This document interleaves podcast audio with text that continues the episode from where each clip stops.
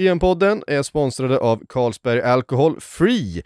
Carlsberg är ju för många välkända inom fotbollen, men eh, det som alla kanske inte vet är att budskapet som de släpper till sommaren i samband med mästerskapet är vid namn En del av laget.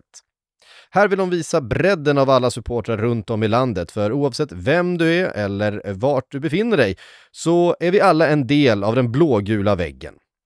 Och för att visa vilka ni är så kan ni gå in på endelavlaget.se. Det är alltså endelavlaget i ett ord.se och dela er bild, för tillsammans så kan vi då heja fram våra landslag i sommar. Tack till Carlsberg Alcohol Free. Sportbladets EM-podd är sponsrad utav Mindler. Och fotboll pratar vi i den här eh, podden, vi pratar känslor eh, och fotboll kan på många sätt vara ett eh, bra utlopp för känslor, men eh, det är absolut inget substitut för terapi. Och Mindler är Sveriges största psykologmottagning online där du själv får välja vem du vill prata med för att hitta en psykolog just för dig. I Mindlers app hittar du flera så kallade IKBT självhjälpsprogram som kan utföras på egen hand eller tillsammans med en psykolog. IKBT självhjälpsprogrammen är kostnadsfria program eh, som man gör online där man får övningar och information för att förbättra sin psykiska hälsa. Mindler har eh, ganska många olika sådana här program som är skräddarsydda efter olika psykiska besvär, som till exempel ångest eller stress. Och för att få tillgång till de här självhjälpsprogrammen så bokar du ett första videomöte med en psykolog direkt i appen då. Och Mindlers app, den finns där appar finns.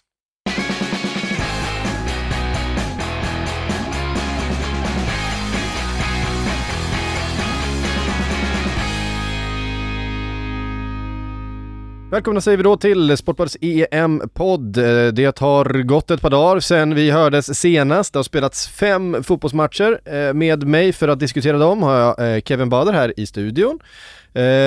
Johanna Frändén ifrån Rom, va? Någonstans befinner mm, du dig? Absolut, just där. Och Makota Sahara, någonstans runt Farsta. Exotiskt, eller hur? ja. Jag tänker att det är viktigt att vi får en, eh, en helikopterbild över vart vi befinner oss eh, när vi spelar in det här.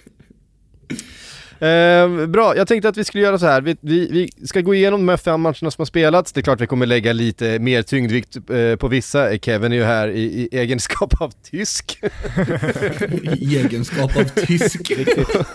och Johanna är med från, från Rom då i egenskap av, av eh, fransyska.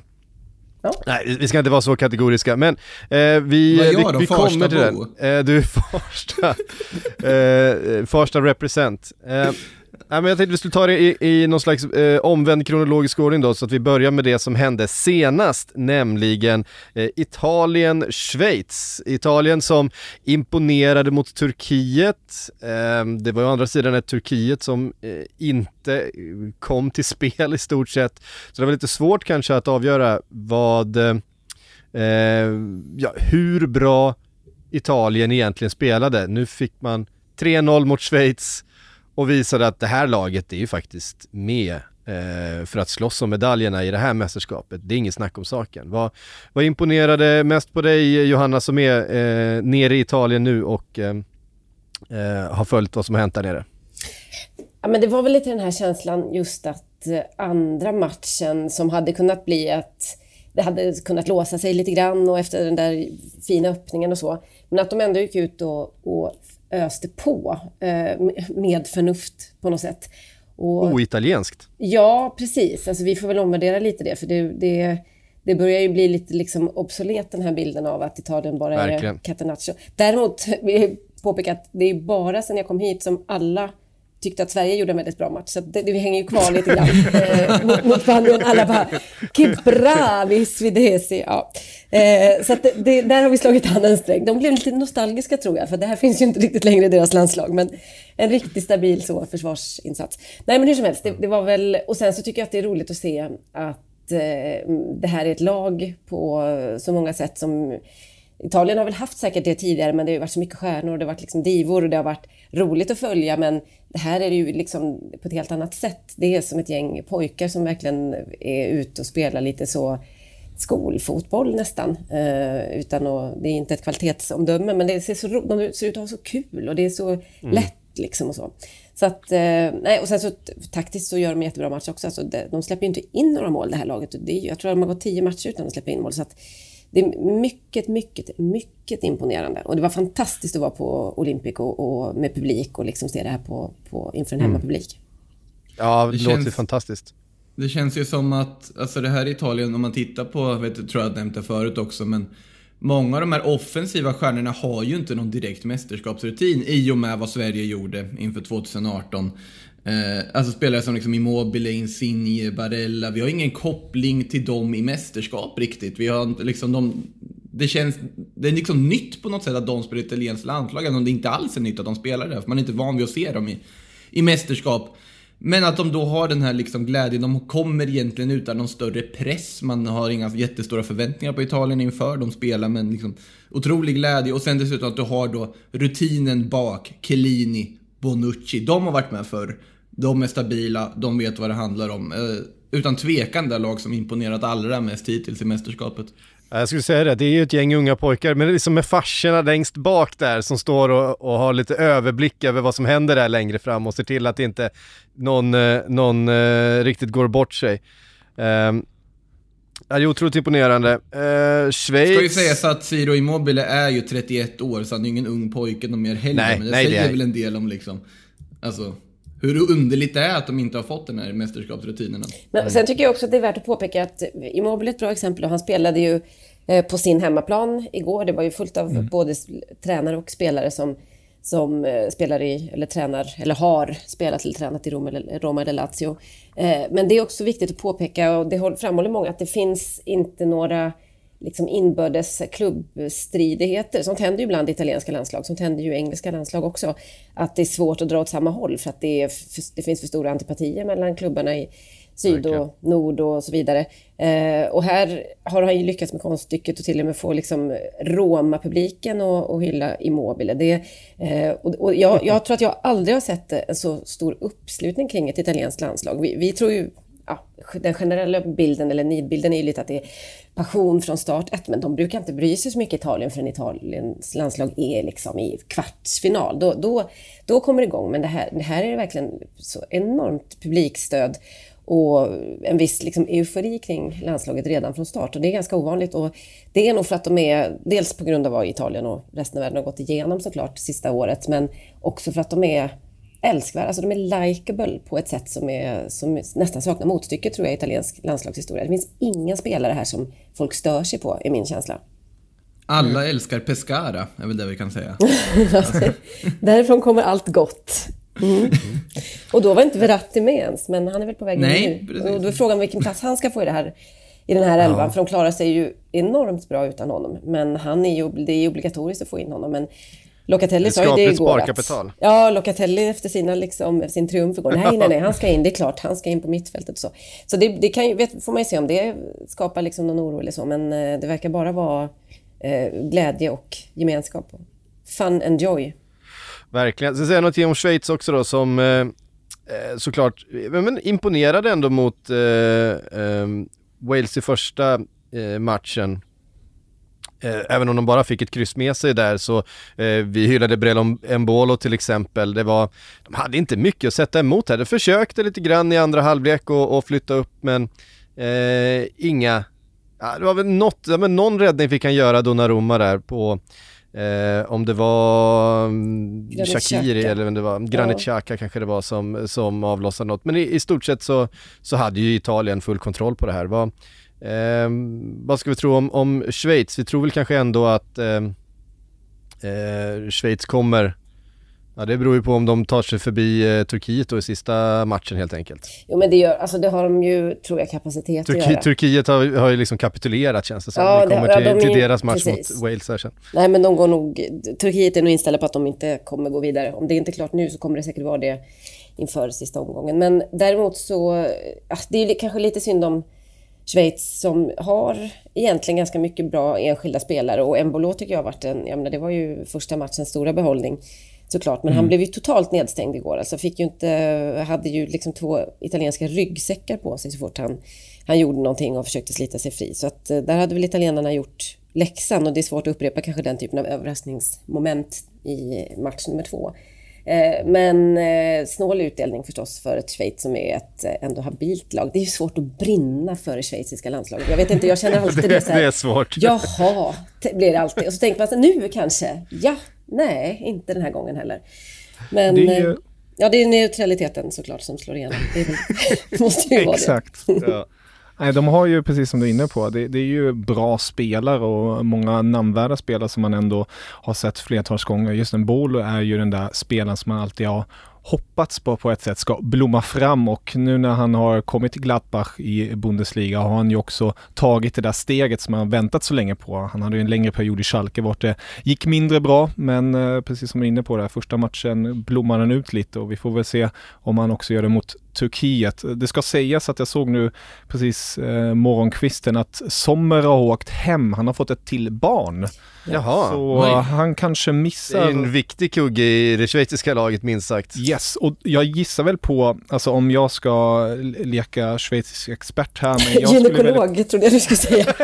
jag ska leka ja, nej, det, det, där håller jag mig utanför. Det, det får andra sköta. Men um, när man ska rikta till den schweiziska målvaktsbesättningen har de ju en, ett par riktigt fina målvakter och det är ju en, en Kobel som jag personligen håller väldigt högt som har gjort det väldigt bra i Stuttgart. Nu nu, är frågan om han kommer starta då nu när Sommar är borta eller inte, men eh, som Är det inte Vågo som går in? Mm, jag tror det tyvärr, men jag tycker personligen att Kobel borde gå in för att han, han har gjort det riktigt bra. Han har precis blivit klar för Dortmund också och mm. han har en eh, riktigt fin framtid framför sig. Det var väl ingen supermatch av väl... Sommer igår? Nej, han hade ju, det stod ju... Nej, det var, han, kanske hade, han kanske hade tankarna på annat ställe. Han hade det, för det var osäkert om han mm. skulle starta. Det var, de visste att det var på gång och jag tror att jag skrev det också, att hoppas att inte liksom förlossningen drog igång och han, han, gav, han, han offrade den för den här insatsen, för det var det ju inte riktigt kanske värt i, i förlängningen. Nej, Vi kan väl säga att Schweiz är ganska bra och finns. De, de är inte inte bra. De är, men, finns. men finns gör de fortfarande. Ja, finns gör de, det gör de. Eh, finns eh, gör också Wales som eh, har kommit in fint i den här turneringen. Först krysset mot Schweiz och sen eh, hopplösa. Alltså alla, alla hipster-tippningar på Turkiet har ju fått så otroligt mycket stryk eh, under den här veckan. Eh, Shoutout till Simon Bank. Kan han ha tycker jag. Ja. Det är, så fint, det är så fint, förlåt, när hipster hakar upp sig på lag som känns, kanske eventuellt är de som absolut minst delar deras uppfattningar om livet. Det känns som att det är ganska ja. dåligt med hipsters i det turkiska landslaget till exempel. Kanske ganska ja, gott om så här råa nationalister som typ inte älskar, inte vet jag, lo-fi musik och bögar. Simon men, Bank. Ja, nej, eller Simon Bank, precis. alltså kärleken är liksom inte besvarad här. Nej, jag tror det, inte det. det, finns något, eh, det finns något rart i det. Eh, Gareth Bale missade en straff men var ändå den som var segerorganisatör här för Wales. Eh, spelade fram både till Aaron Ramsey och till eh, Conor Roberts då som satte eh, tvåan alldeles i slutet. Ehm, han, eh, han kan fortfarande spela fotboll den gode Gareth och här visar han ju att eh, han, han fortfarande har det i sig att bära det här laget på sina axlar som han har, har gjort i, i så många år. Va? Eh, får vi en till sån här härlig mästerskapssommar med Wales tror ni? Oh, alltså grejen är ju att vi sa ju att man inte kunde bedöma Italien så mycket baserat på att de mötte ett bedrövligt Turkiet. Vi kan ju bedöma Wales lite mer även om de möter ett nästan ännu mer bedrövligt Turkiet. Jag förstår inte vad de sysslar med för övrigt, men vi kommer väl in på det sen.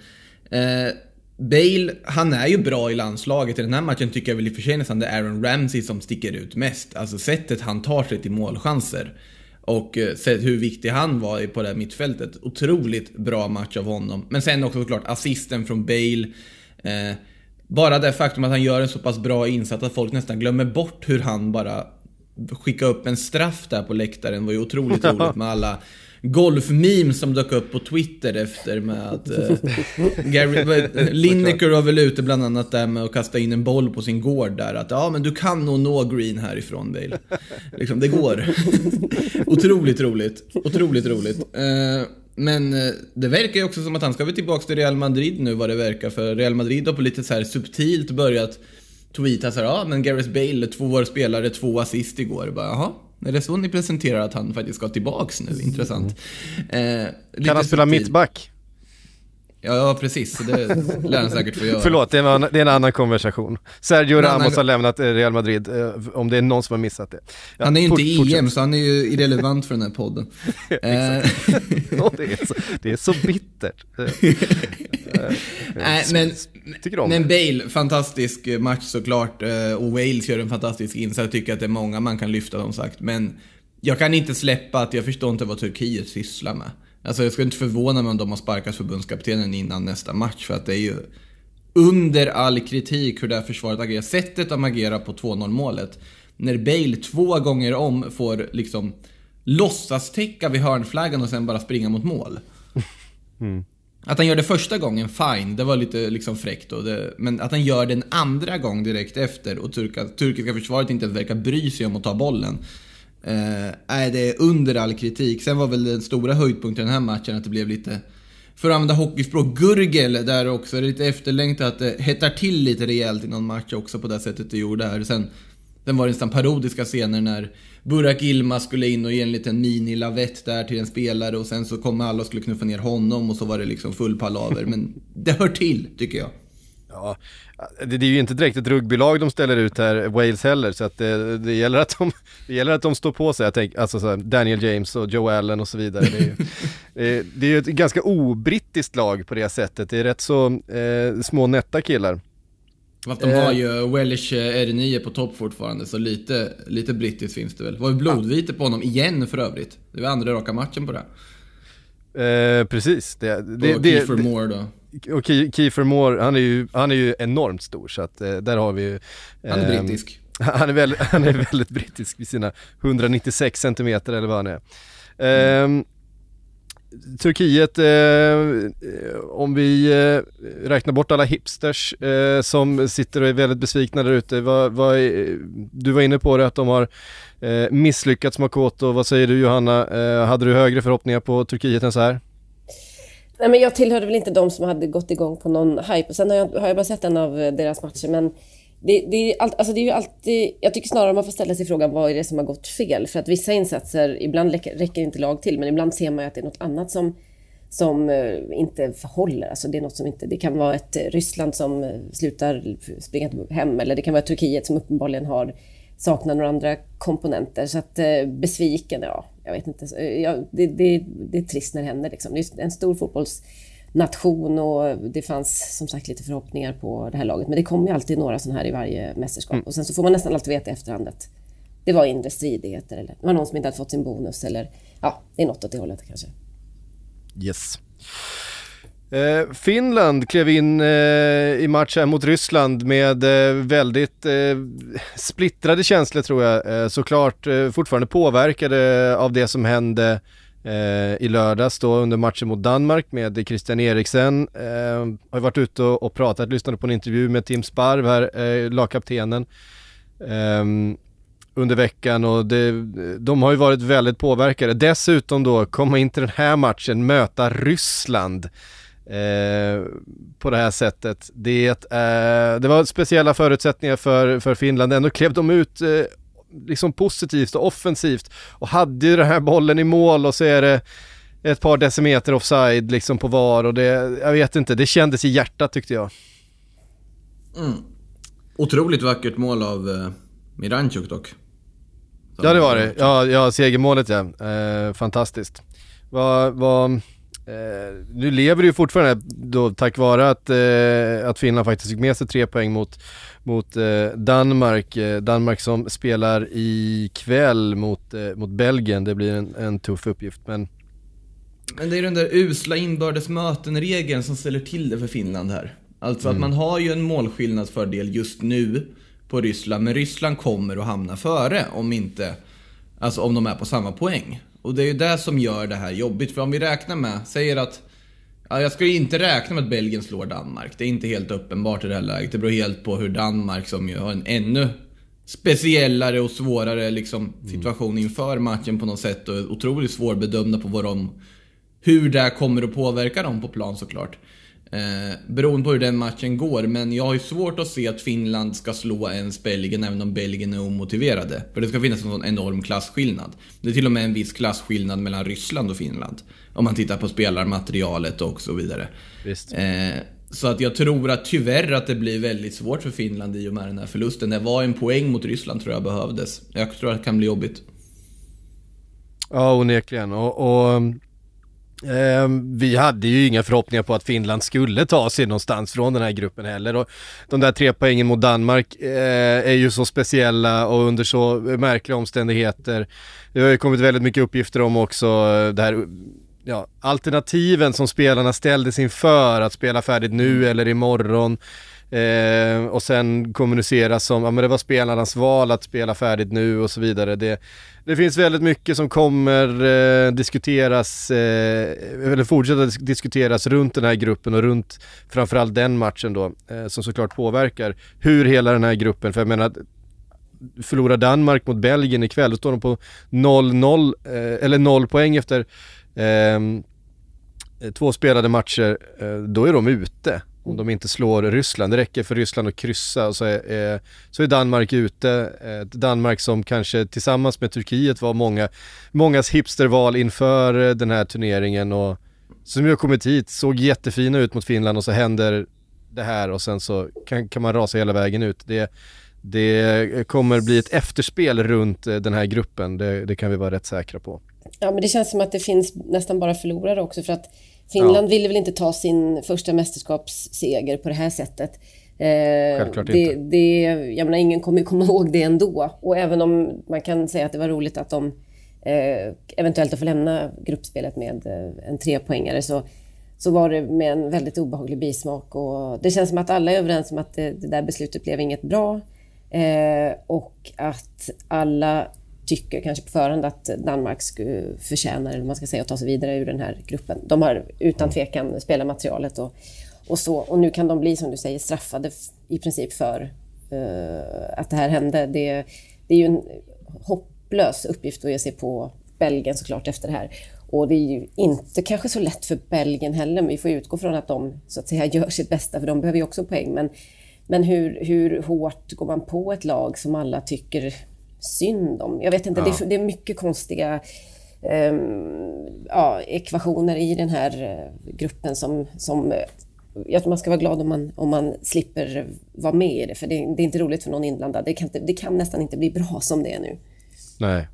Alltså fotboll är ju känslor. Uh, och just nu så är känslorna så påverkade av yttre omständigheter som gör att det, det, det går inte riktigt att göra göra sig rättvisa på ena eller andra hållet här. Det är, det, det är en hopplös situation verkligen. Mm.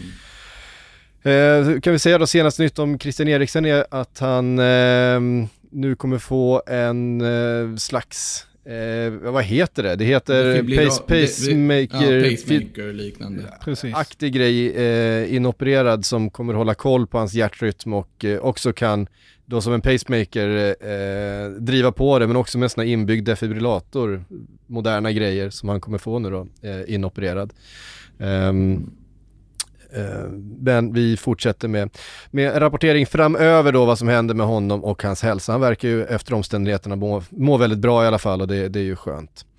Vi har två matcher kvar att eh, prata om här i eh, dagens avsnitt. Eh, men innan vi kommer till dem så ska vi ta och lyssna lite på våra sponsorer.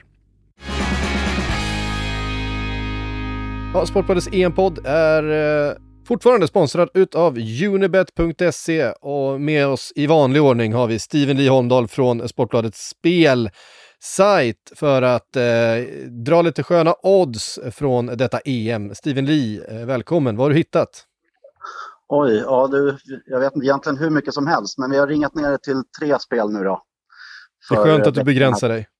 Ja, det hade kunnat bli 30, men vi tog bort lite grann där så kör vi på. Eh, jag tror jag har eh, hittat tre målgörare som jag tror jäkligt mycket på nu. Ehm, så vi tar dem i tur och ordning här. Först så har vi i Ryssland då, som var egentligen helt utspelat mot eh, Belgien, tror jag har lite bättre chans att skapa målchanser nu och då är Artem Chuba deras liksom, main man att gå till när det ska gälla mål och sånt. Så jag tror att han har bra chans att få några fina lägen och spelas till 2.23. Det är en måste-match för en Ryssland så de kommer nog ösa på där. Eh, sen har vi Turkiet, Burak Yilmaz, det var lite samma sak där. Eh, Turkiet, de fick ju knappt låna bollen mot Italien och Yilmaz fick springa omkring och i tomma intet. Men nu är det också så att Turkiet har en mycket bättre uppgift och kommer antagligen börja skapa lite mer målchanser. 3,20 på att Yilmaz gör mål. Och till slut så kör vi Harry Kane som, jag vet inte vad han hade gjort för någonting. Han såg helt yrvaken ut mot Kroatien och missade öppet mål och sådär. Men han gör sällan två dåliga matcher i rad och nu eh, möter England ett lite sämre motstånd. Så Kane spelas till 1,91 som målgörare. Tre pålitliga målskyttar får man säga. Ja, det får man säga. I alla fall när det gäller lite lämpligare motstånd och sådär. Så att, äh, men det där ser bra ut tror jag. Jag blir förvånad om inte minst två av dem går in i alla fall. Perfekt. Och de här spelen hittar ni såklart på unibet.se och kom ihåg att du måste vara 18 år för att spela. Och är det så att eh, du eller någon i din närhet spelar lite för mycket så gå in på spelpaus.se för att läsa om hur du pausar ditt spelande och på stödlinjen.se för att lära dig mer om spelberoende. Då hörni, då har vi två matcher kvar att diskutera och då kliver vi rakt in i dödens grupp. Eh, här hittar vi... Mästarnas grupp. Mästarnas grupp, och vi får väl se. Jag, tippade, jag tippade Tyskland, jag, jag, får väl revidera det kanske lite då efter den här insatsen mot, mot Frankrike. Men vi, vi suger lite på den karamellen tycker jag och så, så börjar vi med Ungern-Portugal. Uh, Ungern på hemmaplan, Puskas, uh, heter det Puskas stadion, Puskas uh, mm. arena. Mm. Mm. Eh, inför liksom fullsatta läktare. Jag vet inte när man såg fullsatta läktare senast på en fotbollsmatch. Det var, eh, det var härligt att se. Det var inte... Har inte Ungern kört på med det under hela pandemin? Ja, men hur mycket ungersk fotboll har du tittat på? nej, men... nej, får du ge dig. Det är jag menar. Tråkigt nog så är ju Ungern är det näst mest drabbade landet sett till capita av dödsfall också. Ja. Så att det, det var, ja. har de gjort det så ja. var det kanske inte en bra idé då kan vi slå fast. Nej, det är no. Verkligen. Ehm, de passade dessutom på att ehm, ehm, spela ganska bra stundtals. Mm. Fram tills eh, Portugal på något sätt bestämde sig för att vinna den här matchen. Eh, tyckte Ungern eh, spelade väldigt, alltså mm. över förväntan.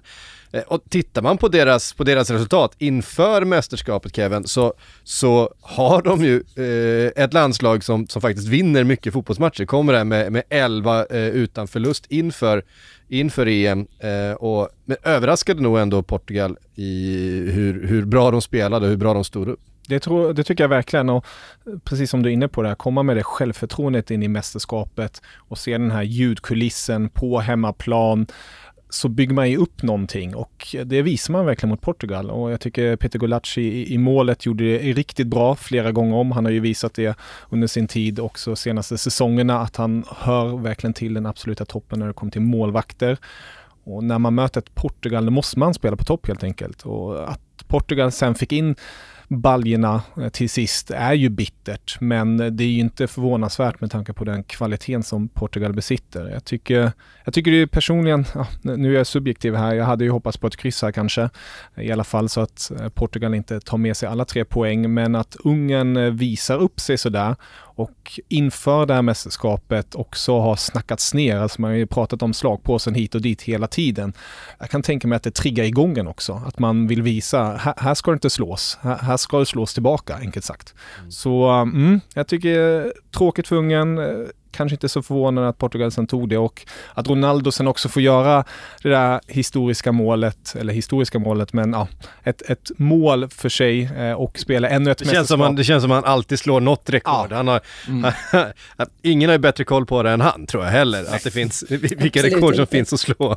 Han har sin lilla anteckningsbok inför matchen alltid och bockar av bara det här ska jag göra, det här ska jag göra, det här ska jag. Tjack. Precis. Eh, och sen kliver han ut och gör det Johanna. Eh, Cristiano Ronaldo, vad finns det kvar att säga egentligen? Han, han gör inte sådär jättemycket under, under matchen men han kliver av planen med två mål eh, sådär och det, det sista målet är ju, är ju riktigt snyggt.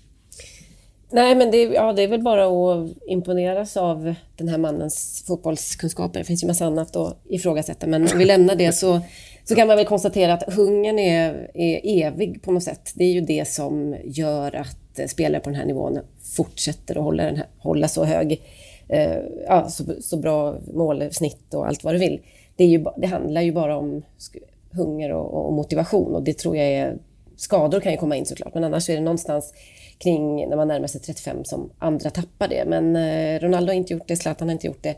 Det, finns ju, de, det är ju det som gör dem till undantag i en, liksom den allmänna fotbolls eh, soppan, eller vad vi ska kalla det. Så att, eh, det går ju bara att imponeras och sen så, jag menar, han, är hans, det är hans femte EM, var det så?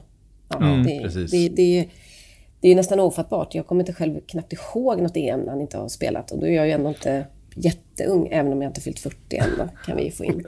Jag såg någon... det var viktigt. Det, var viktigt. det är väl att han inte drack läsk innan match. Det hade gått jätteilla annars antar jag.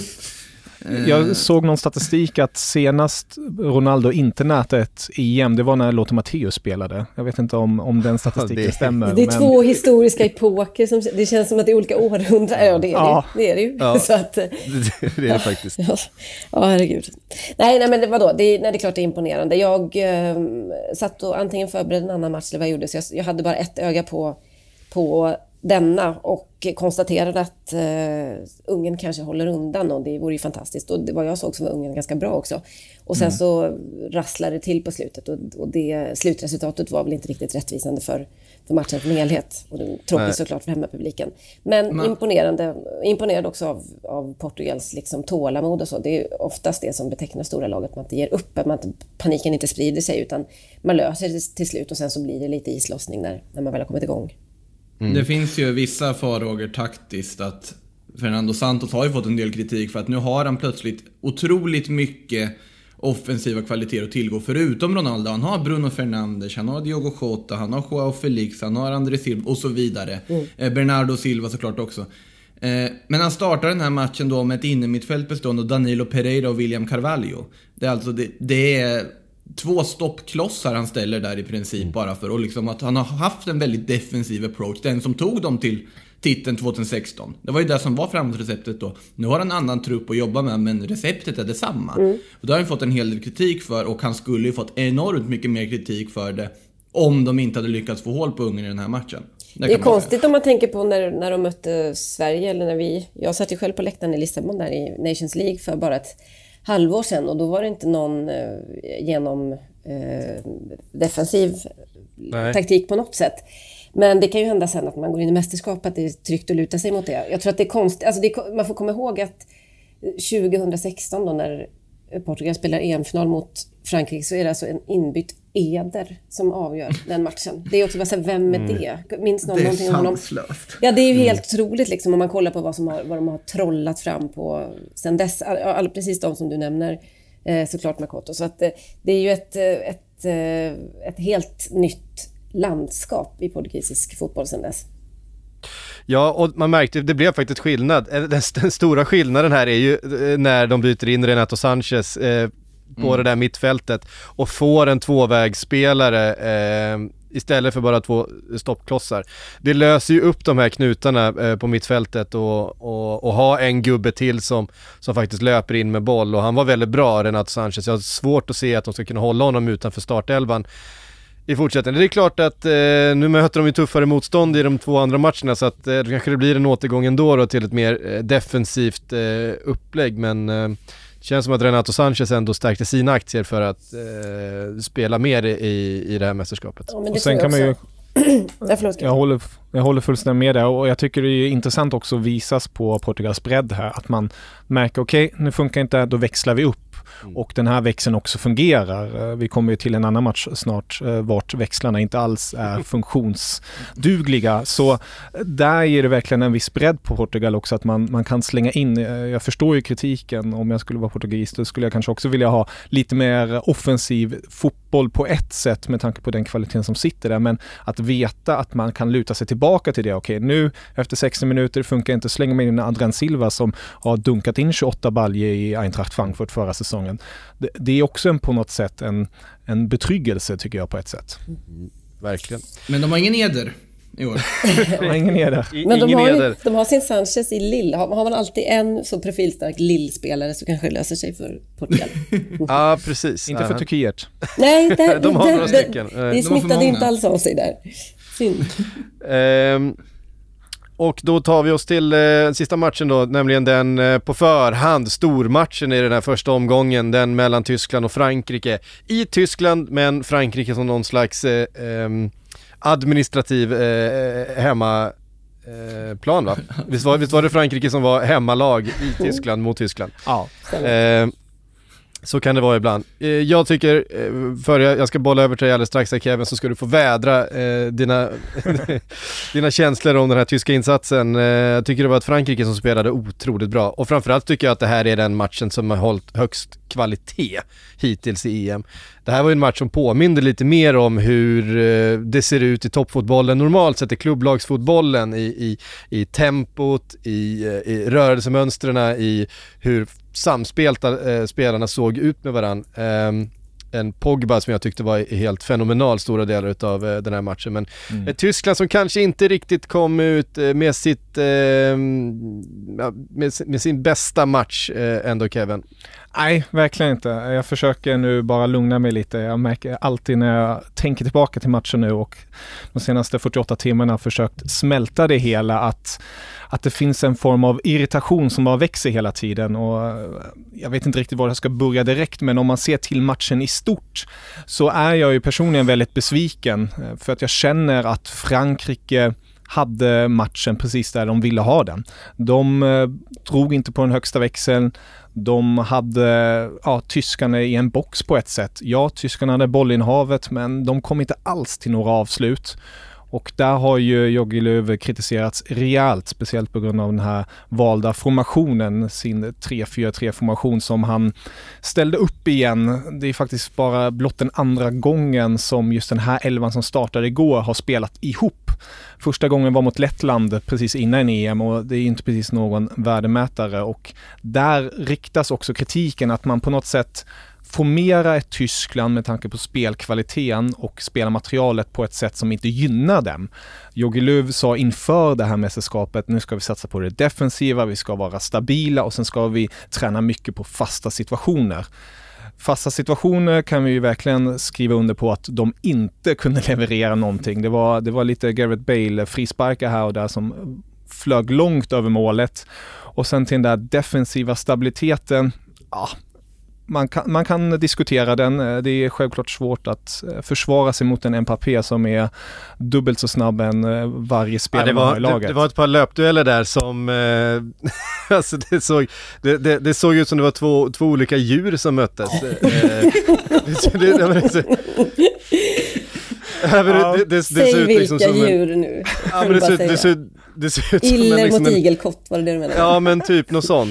Mm. Eh, det ser så helt sjukt ut. Eh, Mbappé kunde ha liksom 20 mm. meter mm. på Mats Hummels så ändå ja. var han före bollen in i straffområdet. Det, det var helt... Visst men är jag... det så att, att, att eh, den regerande, jag läste det här på Twitter, mm. att den regerande världsrekordsinnehavaren i tiokamp, också fransman, har utmanat eh, Mbappé eh, i, på 100 meter. Ah, eh, Kevin och han har ett, Ja precis, eh, han har då ett personligt rekord på 10.50 ungefär så att han borde väl vinna men eh, frågan är hur länge om Mbappé får jobba lite med de här startblocken och så vidare och vad han, vad han gör på 100 mm. meter mm. egentligen. Jag tror, inte han, inte... jag tror inte han har en dålig 100 meters siffra, det kan han inte ha. Nej, verkligen inte. Alltså jag, jag tyckte nästan det kändes som att Mbappé i den här matchen var var uppe på liksom 2018 års sprintnivåer. Jag, jag mm. tror att han är i fruktansvärt bra form helt enkelt. Mm, För verkligen. de här sprintarna har man faktiskt inte sett under, under de senaste säsongerna i ligan och egentligen inte, ja, någon ens, kanske mot Manchester United när, när de sen åkte ut i Champions League för, förra säsongen då möjligtvis. Men, men, men det, här, det här var på en nivå som, ja, det var ju VM i Ryssland-nivå liksom och det har, mm. han har verkligen sparat på krutet sen dess känns det som.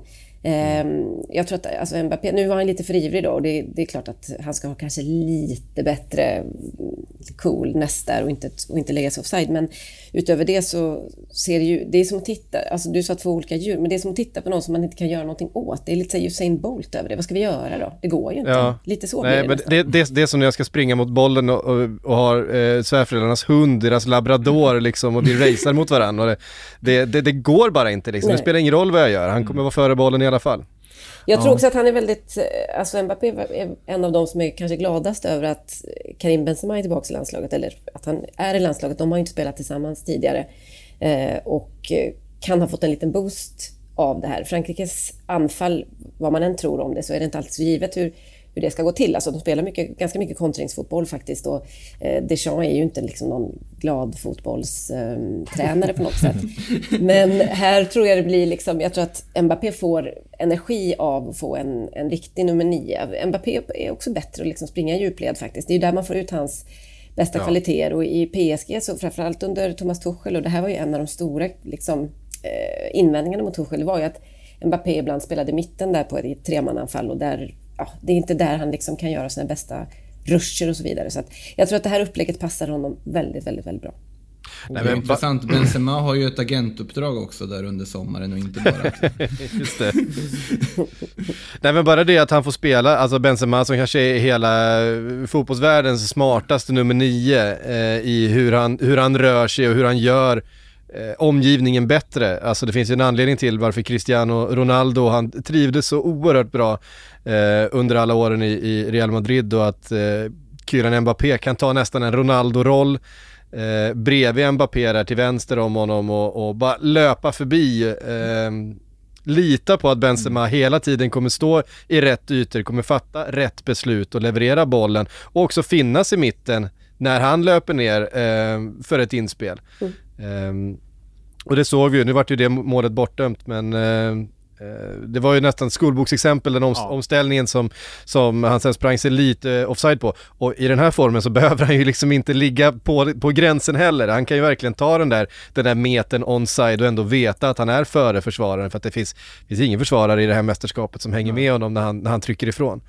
Eh, så är det ju. Eh, men tillbaka till Tyskland då Kevin, ja. vad, vad, är det du skulle vilja se eh, förändras inför de två återstående matcherna här i gruppspelet? Alltså min dröm är ju att eh, Löw på något vis vaknar ur sin, jag vet inte vad han är i för grotta, men att han, han går tillbaka till det som egentligen eh, det tyska landslaget har varit bäst på, nämligen spela en 4-2-3-1 uppställning och att också förstå att man, man har som landslag lite tid. Det, det pratar ju alla tränare om hela tiden, vi har för lite tid med laget, vi måste spela på ett sätt som spelarna känner igen.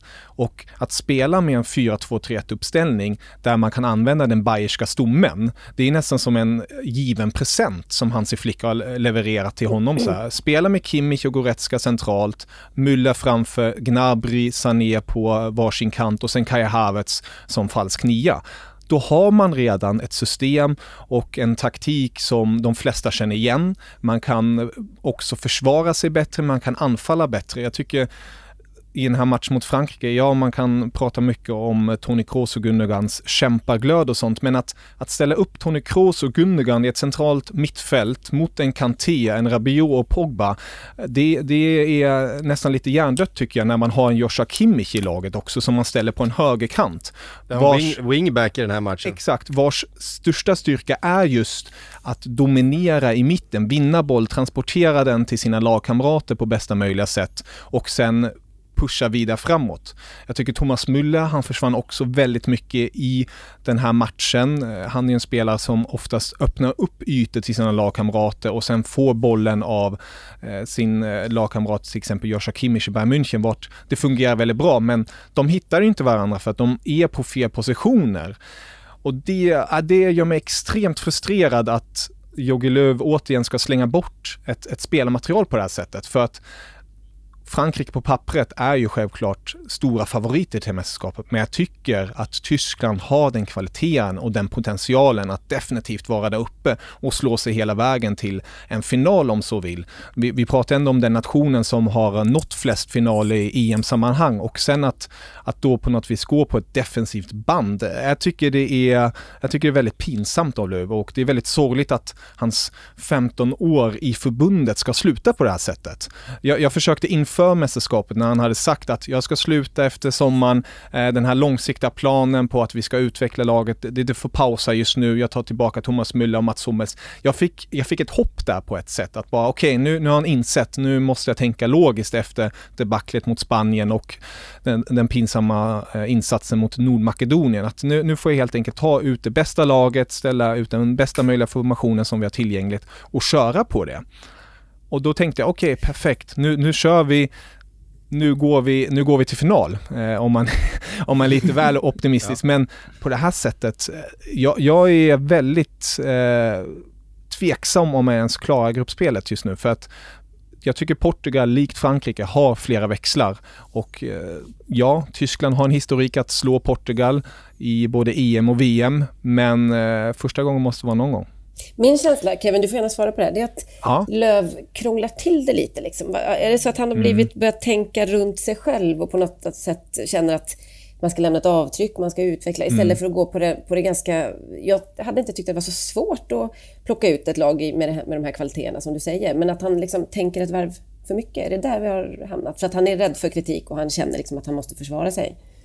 Verkligen, du är precis på det och man snackar ju i Tyskland om en form av pepp sjuka på ett sätt. Alltså Pep Light, han vill uppfinna hjulet på nytt. Och efter VM 18 kan man ju förstå på ett sätt att okej, okay, nu måste vi kanske tänka om och sånt, men alla beslut han har tagit därefter har verkligen varit eh, bedrövliga. Mm. Och där, där står vi nu och precis som du är inne på, jag tror de flesta kan nog se en, en stark startelva som skulle kunna kliva upp. Men istället tar man tre mittbackar som kanske inte håller den högsta klassen. Man skiter då i att ta in en mittfältare som man har många bra av. Alltså vi har Gundogan, vi har Kroos, vi har Kimmich, vi har Müller, vi har Goretzka. Där, där har vi väldigt mycket av, men den positionen struntar vi i helt enkelt. Och då ser vi likt Frankrike-matchen, vanligtvis när man har den här trebackslinjen, att någon av mittbackarna kanske ska driva upp bollen och sätta igång spelet likt det Mats Hummels ofta gör. Men här kliver en Toni Kroos ner och tar bollen från alla mittbackar ungefär en meter ifrån. Så det, det, det, stannar upp så himla mycket, det går så extremt långsamt. Och sen när man inte lyckades med plan A då, så försökte man med en plan, jag vet inte vad för plan, men det slutade med att Kevin Folland, den tyska anfallaren som gjort flest ligamål förra säsongen, han ställs ut som en vänster wingback mot Frankrike och är helt ovan position, får inte en enda passning rätt. Alltså det, det, är så, det är så bedrövligt på så många plan att jag, ja, jag blir ibland eh, fundersam om han ens om man ens är med. Alltså om man är vaken eller om man verkligen har gått in i någonting som inte går att väcka honom ifrån. Ja, det blir intressant att se ifall eh, Jogge Löw lyssnar på det här och, och eh, tar, tar till sig av kritiken. Vi får nästan utgå från det tycker jag. Eh, jag vill gärna säga några ord om Paul Pogba också som jag tycker är fantastisk i den här matchen. Och det är på något sätt som att han han blommar ut till den här världsspelaren när det liksom är mästerskap och det är Frankrike. Vi, vi ser ju glimtar av det i Manchester mm. United, men det är inte mer än glimtar. Ja. Det är då och då och han gör, han gör bra matcher, absolut. Han är viktig för Manchester United, men den här nivån, den här nivån har vi inte sett i, i Manchester United. Och det, är som att, det, det är som att situationen bara liksom lockar ur honom och så, så blir han den här ja, men ultimata tvåvägsspelaren mm. i stort sett. Den här framspelningen är helt otrolig. Ja. Alltså till Nej, målet, alltså det är sanslöst. Det, ja. Han börjar liksom fira innan det blir ett mål för han vet vad som än händer så har han gjort en jävla framspelning. Och det är nästan värt liksom en liten sån piruett. Nej men det, det, det, det, jag tycker att det här tyder på, och hans beteende vittnar om att det är eh, för en gångs skull väldigt god stämning i den franska truppen. Eller för en gångs skull, det var samma sak för tre år sedan. Men innan dess så har det ju varit liksom för mycket, det har varit stökigt alldeles för länge. Men Uppenbarligen så trivs Pogba väldigt bra med Didier Deschamps. Jag tror att han har, om inte helt fria tyglar, så i alla fall väldigt mycket utrymme att uttrycka mm. sig och vara den spelare som han vill vara. Liksom. Didier Deschamps är ju, en, är ju bra på att både disciplinera sina spelare men också låta dem vara artister. Jag tycker det kanske är hans största styrka mm. som som, som tränare faktiskt. Eh, och därför så hör du aldrig någon av de här eh, beklaga sig över att Frankrike spelar för, för eh, defensivt till exempel. Det hade ju kunnat komma såklart, men jag vet det finns ett ljuvligt klipp från 2018 när eh, Anton Griezmann sitter och får massage tror jag, eller han får benmassage vad det nu är. Så säger han så här, oh, det här är liksom precis som i Atletico Madrid. Man bara ligger och lurar, ligger och lurar, ligger och lurar och sen bara boom, hugger man. Det är som att komma hem. Eh, och jag tror att eh, Pogba har väl, alltså skillnaden mot klubblagsvardagen är att han, det känns som att det är mindre på allvar, alltså det är mindre betungande för honom att spela i Frankrike. Det är roligt, det är folkfest, det är ett lag som folk älskar igen och så. Jag tror att han, han är en sån, han är lite av en humörspelare och jag tror att det är otroligt viktigt och hur omständigheterna och miljön är och här är den mm. alldeles perfekt för honom. Jag skulle säga att han är en mycket av en humörspelare till och med. Mm. Vi minns ju bråken med, med Mourinho under hans tid i Manchester United och, och hur under isen Pogba var under den perioden, att han, mm. eh, han var så otroligt påverkad av att eh, ha den här konflikten med, med, med tränaren där. Och det är klart, det, det har ju eh, alla, men det finns ju eh, de som är mer eller mindre påverkade av det. Sen tror jag att Pogba också påverkas otroligt mycket av att faktiskt spela med Kanté, som han vet aldrig fuskar, som alltid tar jobbet. Jo, han fuskar när han spelar han... kort. Du har väl hört sången? Il est gentil, il est petit, da, da, da. Ja. Um, Nej men det, det, ger ju såklart Pogba mer mandat att, eh, att uttrycka sig offensivt och att eh, spela med kanske lite högre risk för att han vet att N'Golo Kanté alltid, alltid kommer ligga rätt, alltid kommer ta det där eh, extra jobbet i, i defensiven och, eh, och kliva in i, i den duellen om det är så att Pogba skulle tappa bollen eller om han skulle hamna lite fel och sådär. Det, det tror jag passar honom oerhört bra också. Mm. Eh, han har inte riktigt den, den spelaren i, i Manchester United.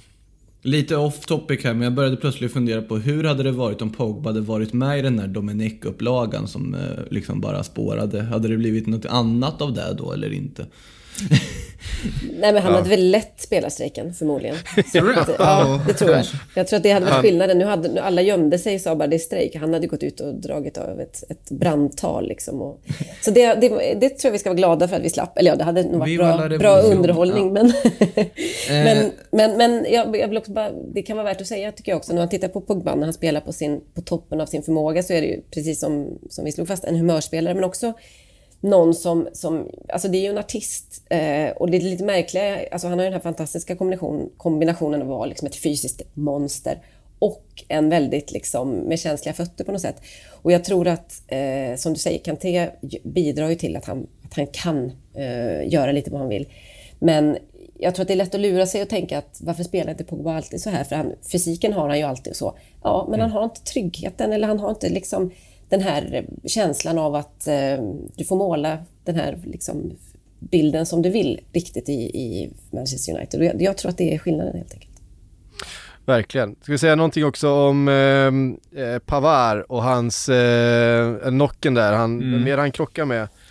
Eh, Gosens. Gosens ja, precis. Som kommer upp och det ser ju jätteläskigt ut. Eh, han är ju avsvimmad i, mm. i luften, det kan man ju se på... på eh... Han har ju också sagt att han var borta i 10-15 sekunder, att han, mm. var, han, ja. han vaknade upp plötsligt och bara shit, vad, vad händer? Ja, men man, man ser det ju redan i luften om man tittat på, på ganska mycket kampsport som jag har gjort genom åren så ser man ju när, mm. när en eh, spelare är knockad eh, redan på väg ner mot marken och, och, det var han ju uppenbarligen. Sen ska han ändå in och spela Eh, mm. Bara ett par minuter senare. Det är eh, konstigt alltså. Har det är fått konstigt att de släpper in honom. Har fått mycket kritik också eh, i, i efterspelet här och, och man trodde på något sätt att eh, det skulle ha införts protokoll mot just den här, den här typen av huvudskador. Mm. Nu låter de mer eller mindre spelaren själv avgöra om han är fit for fight eller inte och det, det, det vet vi ju, det, det, är någonting som spelaren faktiskt inte kan avgöra i, i det läget. Jag Jobbar man inte med säga... järntrappa internationellt? Jag, jag hörde faktiskt någon säga i, um, vilken podd det nu var, Julien Lance, en, en uh, fransk journalist som uh, är med mm. i BBCs podd, väl, att uh, man kanske borde ha inrättat ett system där man har neutrala läkare, för att det kan vara svårt för en landslagsläkare att ta de här besluten eftersom han känner mm. spelaren och spelaren mm. kan då säga men för fan, Roger, jag vill ut igen. Eller vad, vad man nu säger till sin... Ja. Och, och, och, att, det kan, att det kan bli en jobbig situation då. Att, mycket, att det hade varit bättre att ha en neutral eh, Eh, medicinsk bedömning som inte tar hänsyn till vad eh, spelaren säger. Jag, jag kan personligen tycka att de ska stå över det. Har man tagit den där läkareden ska man väl klara av att stå emot. Men det kan kanske finnas en, en poäng med det. För att eh, i, när det händer på det här sättet och, och det är någon som man känner väl som ska ta beslutet och så säger han sen men för fan snälla låt mig spela. Så kanske det, det kanske är ett svårare beslut att fatta. Alltså det, det, låter som en intressant idé men jag tänker direkt att uh, jag som bara ser problem här nu mm. uh, ser ju istället då att då blir det samma diskussion som med domare. Jaha, den där domaren var därifrån och så har du läkarteam som bara, ah, han kan inte spela. Jaha, varför fick inte han spela? Han kunde väl spela och så blir det en sån diskussion istället. Det är väl det i sånt fall som är nackdelen. Du, det här är verkligen, du, du ser verkligen arenan som halvfull under det här eh, eh mästerskapet. Nej, ja. Halvtom menar jag. Vad blir halvtom, halvtom arena, ja. Mm. Jag ser det inte som halvfull nu. Nej, just det. Precis. My bad. Ja, eh, det med Frankrike som eh, kanske då tillsammans känns som laget. Nu har ju, nu har ju Italien spelat två matcher mm. så att vi har lite mer att, att, gå på just när det gäller dem. Men eh, om vi summerar den första omgången då, eh, Frankrike som väl tillsammans med Italien till, och i viss mån kanske Belgien eh, imponerat mest eh, under den första omgången här. Eh, ser, eh, ser oerhört starka ut och det visste vi. vi mm. liksom, det är bara att titta på spelarna de har i den där truppen att det här är ett lag som kommer vara med och, och slåss om guldet. Det är ju, det är ju inget snack om saken. Och, eh, det känns som att de har också liksom stämningen, de har, mm. de har balansen i det här laget, de har en Mbappé i superform, de har en Pogba i mm. superform. Mm.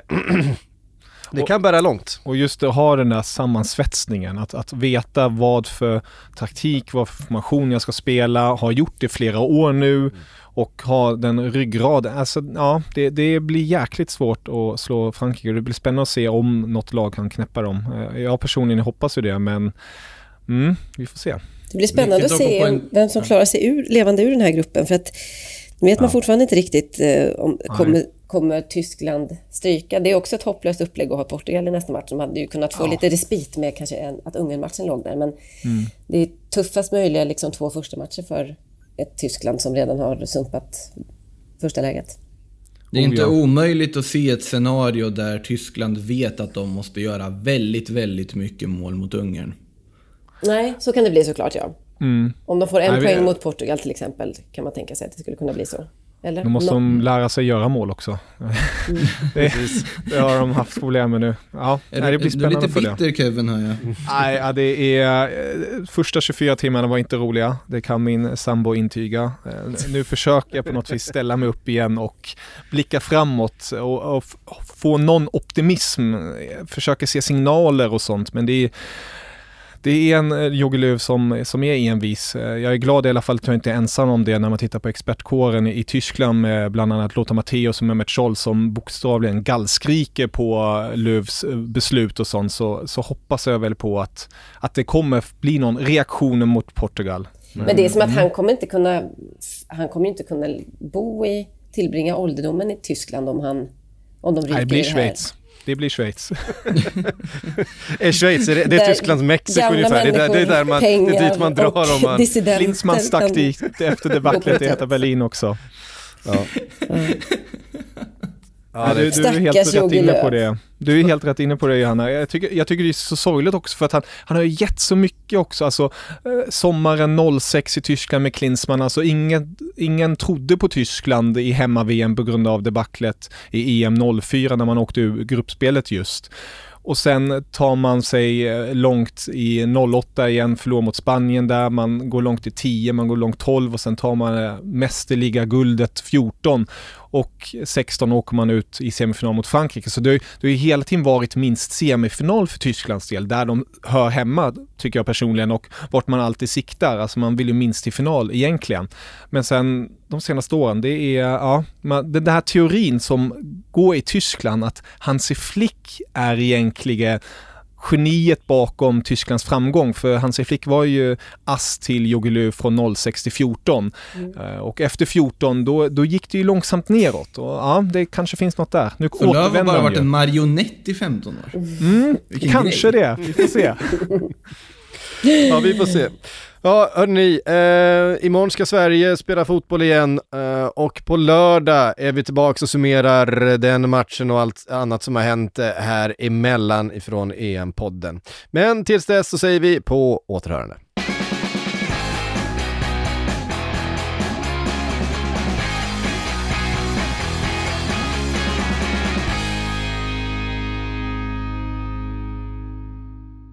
Du har lyssnat på en podcast från Aftonbladet.